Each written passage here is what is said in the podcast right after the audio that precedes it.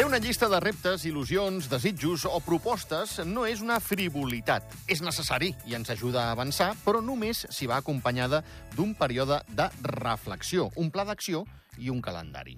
Hi ha tres moments de l'any en què molta gent fa llistes de propòsits. Per l'aniversari, després de les vacances d'estiu i, sobretot, al gener, amb l'entrada de l'any nou, l'època per excel·lència en què ens marquem més fites i objectius personals cuidar-nos eh, més eh, anar al gimnàs, eh, menjar millor, aprimar-nos, deixar de fumar, tenir més temps per un mateix o per la família, canviar de feina, estudiar un idioma, aprendre a tocar un instrument, llegir i fins i tot escriure són alguns dels propòsits més habituals. Maria Lucena ha sortit al carrer i n'ha trobat d'altres, i els clàssics també hi tenen cabuda en aquestes respostes que li heu donat a la, a la Maria. Hi ha gent que se'ls proposa però no els compleix. No ponérmelo, pero no suelo cumplirlo, la verdad. Quins són aquests desitjos o propostes que no s'acaben complint? Por ejemplo, pues ir al gimnasio, dejar de fumar, comer más sano, pero luego Abans de plantejar-se uns propòsits, cal fer balanç i una mica d'autoanàlisi. La reflexió ha de ser sincera i més enllà de tòpics i pressions socials, perquè les fites siguin realistes i viables. Tampoc serveix agafar la llista pendent d'altres anys i tornar-ho a intentar. Els valors i les experiències canvien. Tenim altres motivacions i, per tant, també projectes i objectius nous. I, finalment, hem de fer espai i desfer-nos del que sobri. Eh, ens costa molt deixar anar. Aquí ens ho han dit les nostres psicòlogues, eh? Ja ens ho han explicat, que ens acomodem a la zona de confort perquè ens fa por canviar. El primer que hem de fer és, per tant, fer lloc, buidar, fer net, tallar, deixar enrere aquell passat per tenir prou espai per establir nous vincles.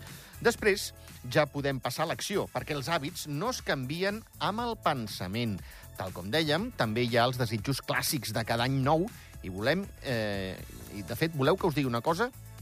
Que no faltin, escolteu. Jo el que demano és que la salut i que estiguen tots bé. I ja que fins i tot matisa això de la salut. Oh, mira, que tenir salut i, i a- no perdre la memòria. I per clàssic, també allò de... Jo espero que sigui millor que aquest. Eh?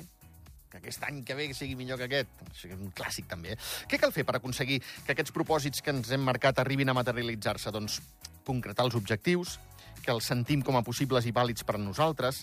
Cada objectiu ha de tenir el seu pla d'acció precís i quantific quantificable i un termini curt.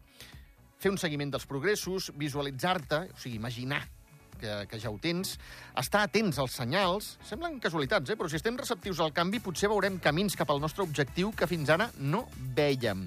També passar a l'acció amb disciplina i força de voluntat, buscar aliats amb el mateix objectiu o dir-ho als altres també també ajuda, mantenir una actitud positiva i rectificar, atenció, forma part del pla també, eh? Vull dir, no ens atabalem. Hi ha, eh, però, qui es resigna.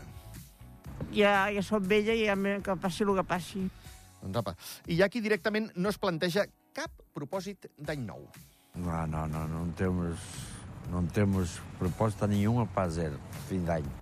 Per què ens costa tant? Al cervell li costa molt canviar d'hàbits, sobretot quan fer-ho comporta tasques que poden ser feixugues o doloroses, com fer esport quan no t'agrada o no hi estàs acostumat. És un òrgan plàstic amb molta capacitat d'aprenentatge, però que prioritza mantenir els comportaments habituals abans d'abonar-los per nous hàbits, encara que aquests millorin la nostra vida.